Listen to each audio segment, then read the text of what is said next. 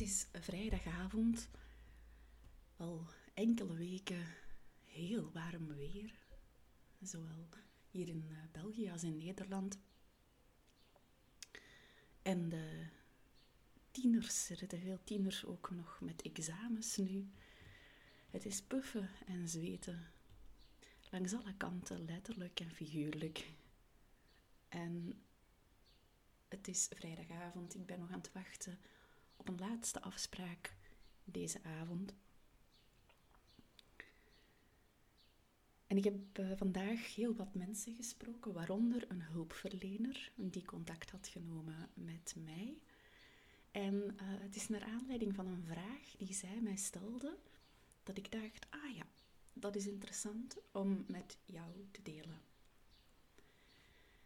Dus daar wil ik het met jou over hebben in deze aflevering, over die vraag die zij mij stelde. Welkom bij de Straffe Ouders na de Scheiding podcast. Ik ben Ambrems en ik help ouders in een complexe scheiding. Dat zijn meestal de scheidingen die al enkele jaren bezig zijn en waarbij de ruzie, de spanning, um, waarbij dat die aanhouden. En ik help deze ouders om uit die chaos, uit die frustratie, uit die machteloosheid te komen. Aan de hand van ja, concrete uh, strategieën um, op, uh, ja, moeilijk om uit te leggen, maar daar gaat ook deze aflevering over, dus ik zal jou daar dadelijk wat meer over vertellen. ja. Um, voilà. Ja. Um, er was dus een hulpverlener en werkte ook met complexe scheidingen vanuit een overheidsinstantie. En ze had via iemand die daar uh, aan het spreken was met haar, had ze uh, Glinster gehoord. En uh, ja, ze was gaan opzoeken. Ze was gaan kijken naar mijn website. En ja, die website, um, dat is, uh, daar heb ik inderdaad jaren aan gewerkt. Um, en daar staat heel wat op. En ja, die, die, die oogt mooi, hè, zoals dat een website ook dient. Ze vroeg zich af, ja, um, wat Anne daar allemaal op die website vertelt en hoe zij daarover komt, klopt dat ook met de realiteit? Ja, en um, ja, ze had een contact met me opgenomen. En omdat ik binnenkort, ik heb het heel druk gehad het voorbije jaar, maar de opleiding rond ik af. En ik voelde terug wat ruimte om terug ja, wat meer te gaan netwerken. Dus hadden we deze namiddag eventjes afgesproken met elkaar. En ja, het is wel iets bizar um, dat hoe ik online verschijn, is niet hoe ik, um, hoe ik ouders help. Dus daar zit wel een kloof tussen. En hoe komt dat? In de podcast denk ik dat die kloof wat minder is, omdat ik hier wat spreek. Maar als je naar de website gaat, daar staan geschreven, geschreven teksten. Dat is uh, een website, zoals een website hoort te zijn. En ik, ik heb dat ook bij ouders al gemerkt. Ouders die dan naar de website gaan, die kijken van oké, daar is veel informatie te vinden, maar wie is die Anne nu eigenlijk? En dan de ouders die dan toch eh, wat kennis maken met mij, een mailtje sturen. Um, ik stuur dan een mailtje terug, we leren elkaar wat kennen. En ouders die dan instappen in een traject bij mij, die zeggen, oh, ja, dat had ik dit maar eerder geweten. Ja. Dus wat ik doe met ouders in een traject is heel anders dan um, ja, wat je op mijn website ziet. Um, of dat je um, ja, en nog andere dingen die je online van mij ziet. Mijn, mijn, mijn posts. Ik post ook op uh, Facebook en Instagram. En ik hoop in deze podcast dat ik meer en meer iets kan tonen van ja, hoe doen wij dat hier samen, zodat jij daarmee kan kennismaken, dat wat kan voelen en dat mocht je dan de stap willen zetten naar mij, dat die wat minder uh, groot is ook. Deze podcast en al het gratis materiaal is geen vervanging voor de begeleiding die ik bied. In de begeleiding ehm, ja, ga ik ouders helpen om niet alleen te weten wat ze moeten doen, maar het ook te gaan doen. Dus daar zie ik het bij veel ouders wanneer ze starten met parallelouderschap en dat solo-ouderschap, wanneer dat ze die visie leren kennen. Um, ze lezen daar wat over of ze krijgen daar wat tips over, ze beginnen dat toe te passen en dan na een tijd zeggen ze dat werkt gewoon niet. Ik vind niet die rust. Nu dat komt omdat je wel weet wat je moet doen, maar het zit nog niet in de ervaring, het zit nog niet in de vingers. En ik merk dat dat wel wat tijd vraagt. En dat ik daar ouders, niet alleen dat het tijd vraagt, maar ik help ouders ook op een ervaringsgerichte manier. En daar wil ik het met jou over hebben in deze aflevering, want deze hulpverlener die, die, die was nieuwsgierig naar de groep uh, die, die ik begeleid bij Glinster. En ze vroeg, ja, wat is dan jouw programma? Wat doe je dan precies met die ouders? Heel goede vraag.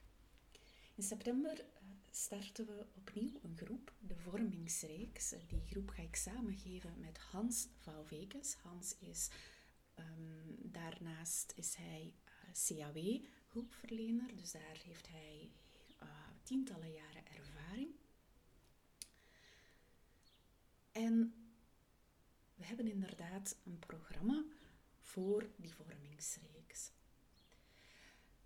Wat we daar gaan doen, dat heb ik opgebouwd doorheen de voorbije jaren. Ik begeleid nu al drie jaar groepen bij Glinster en ik heb zo wat ondervonden welke oefeningen sluiten aan bij de ouders, waar zijn ze mee geholpen, welke oefeningen niet. En op basis daarvan ben ik gaan sprokkelen, gaan verzamelen en ben ik nu tot dit gekomen. En dat gaat waarschijnlijk ook nog verder groeien. De vormingsreeks is opgebouwd rond vier thema's. Iedere avond gaan we één thema um, ja, uh, verkennen samen. Um, maar het is niet dat wij aan het woord zijn heel de tijd. Dus het is geen uitleggroep. Het is niet dat wij daar aan een bord staan of met een PowerPoint en dat we zeggen zo is het. Anderzijds is het ook geen lotgenotengroep. In die zin dat wij de ouders gewoon maar laten praten. Ja. Dat kan voor sommige thema's kan dat, ik bedoel, voor, voor andere hulpverleningsvragen kan dat wel helpen. Er zijn zo uh, lotgenotengroepen rond rouw, rond verlies. Ehm, en ja, daar kan dat werken. Maar mijn ervaring is in een complexe scheiding, om daar terug rust en hou vast, dat eigenlijk een soort vormingsreeks het beste werkt. Wat wil dat zeggen? Dat we iedere avond een thema hebben en dan gaan we rond dat thema oefeningen doen. Dus wij geven een korte uitleg en dan gaan de ouders daarin gaan oefenen. Dat kan in de grote groep, dat kan individueel of in kleine groepjes. Na die oefening komen we terug in de grote groep en dan gaan we kijken wat heb je opgemerkt bij het maken van die oefening? Wat neem je daaruit mee? De komende weken. En dan gaan de ouders na de bijeenkomst naar huis en dan wordt er wat uitgeprobeerd tegen de volgende bijeenkomst. Je gaat wat doen, je gaat wat ervaren thuis. En dan komen we terug naar de bijeenkomst en dan, um, ja, dan is het volgende thema. Ja.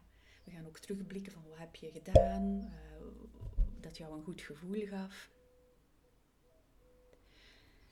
En ouders gaan niet alleen doen tussen de bijeenkomsten door, maar ook tijdens de bijeenkomsten. Dus dat doe-aspect, dat gaan ervaren, gaan voelen, dat is een belangrijke motor, heb ik ondervonden, om parallel ouderschap goed vorm te geven in je leven. Zodat het ook past bij jou. Want dat ziet voor iedereen er anders uit. Iedere, hoewel dat die situaties wel heel veel herkennend zijn, zijn de antwoorden die ik geef heel particulier. Ik kan niet op een vraag bij de ene altijd standaard ja zeggen. Of altijd standaard nee. Hangt ervan af welke ouder mij dat stelt, welke situatie dat zij mij voorleggen. En het krachtige van die vormingsreeks is dat ik ouders leer om zelf die antwoorden te vinden. Zodat je niet afhankelijk bent van mij om dat te doen, maar ik leer jou die vaardigheid om zelf antwoorden te vinden. Ja. Door die ervaringsgerichte oefeningen. In de eerste bijeenkomst gaan we stilstaan, ja, welke acties kan jij als ouder ondernemen in die ruzie, in die spanning, in dat co-ouderschap, in de communicatie met de andere ouder? Welke acties kan je nemen zodat er rust komt in jouw gezin? Dat jij s'nachts niet wakker ligt, dat je niet piekert, dat je niet merkt, niet meer merkt zo van, oh, op mijn werk, ik kan me niet concentreren, want ik zit altijd met die problemen in mijn hoofd. Dus wat kan jij doen voor die rust in jouw gezin? Dat jouw leven niet geleid wordt door die spanning, door die ruzie. Dat is de eerste. En daar heb ik dan drie oefeningen waarvan ik doorheen de jaren heb gemerkt, zijn soms een beetje vreemde oefeningen, niet de standaard oefeningen die je krijgt, um, maar die geven echt boeiende processen. Die brengen iets op gang bij ouders. Dan de tweede bijeenkomst gaan we stilstaan rond het thema hoe kan je terug regie en controle krijgen, opdat je kinderen niet de dupe zijn van de ruzies en van de meningsverschillen tussen de andere ouder en jou. Dus daar gaan we gaan kijken, wat kan je nu precies gaan doen om je kinderen te gaan helpen. En dat gaan we oefenen en ervaren. En je gaat kijken, wat past er hier voor mijn situatie? En dan de derde bijeenkomst gaan we echt inzetten op die gesprekken met de kinderen. Hoe doe je nu die moeilijke gesprekken, die lastige gesprekken? Die gesprekken die je misschien uit de weg gaat of die je niet durft aan te gaan. Als je merkt, ik word zwart gemaakt door de andere ouder. Wat kan ik dan zeggen tegen mijn kinderen? Hoe spreek ik dan met mijn kinderen?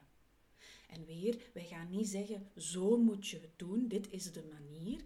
Wij gaan jou dat aan de lijve laten ervaren in de groep, aan de hand van oefeningen. In de vierde bijeenkomst, dan gaan we kijken, oké, er zijn kindkwesties die jij als ouder moet regelen. Het financiële, het verblijf, hoe de vakanties ingedeeld worden. Hoe ga je dat nu doen als die communicatie met de andere ouder telkens ellende geeft? Stel, het financiële geeft veel spanning en ruzie, de andere ouder wil niet betalen bijvoorbeeld voor um, ja, een, een, een, uh, een, medische behandeling of een, ja, ja, medische behandeling. Stel bijvoorbeeld, uh, er moet een orthodont, een kind moet naar een orthodont en de andere ouder wil niet betalen. Ja, hoe ga je dat dan nu doen? Als dat, als dat zo van die spanning of die ruzie geeft of de andere ouder negeert jou. Dus die laatste avond gaan we stap voor stap, ga ik jou daarvoor een schabloon geven, waardoor dat jij dat kan gaan toepassen op jouw eigen situatie. We gaan dat ook oefenen die avond. Dus dat is wat we gaan doen tijdens de vormingsreeks. Dat is ook wat ik met ouders in de groep voortdurend doe uh, als basis um, om die structuur van dat paralouderschap en van uh, ja, rust, om dat neer te zetten voor ouders. Ik ga volgende keer, ga ik, een volgende keer ga ik vertellen waarom dat ik ervoor kies om dat in groep te doen met ouders. Want het kan zijn dat je zegt van oké okay, uh, dit klinkt wel goed. Hè. Ik, heb, ik, kan daar wel hulp bij gebruiken en, en, en die thema's en ook hoe dat je werkt. Maar in groep, dat zie ik zo niet zitten. De volgende keer ga ik jou vertellen waarom ik kies voor een groep. Ik ga dat niet vertellen vanuit mijn positie, want ik zie natuurlijk de voordelen van de groep en, en, en, en zo vanuit mijn positie als systeemkanseler, maar ik ga het vertellen vanuit wat ik allemaal gehoord en feedback heb gekregen van ouders de voorbije jaren en zeker ook de laatste tijd, omdat ik mijn eindwerk daarop gebaseerd heb. Als je zegt, Anne, ik heb wel um, interesse in die vormingsreeks. Die start in september. Je kan je inschrijven tot en met 21 augustus. Maar wanneer de groep vol is, is de groep ook vol. Dus dat wil zeggen dat we gaan tot een maximum van 10 ouders. En we zijn samen met twee ehm, begeleiders. Je kan al informatie vinden op de website, dus op www.glinster.co vormingsreeks. Maar je mag mij ook een mailtje sturen um, op info.glinster.co um, met jouw hulpvraag. Of, en en dan, dan leren we elkaar zo op die manier wat kennen. Ehm, en dan kan ik jou wat meer gericht antwoorden op uh, welke informatie jij nodig hebt ook over die vormingsreeks. Voilà. Dan wens ik jou een fijn weekend en tot gauw weer. Dag!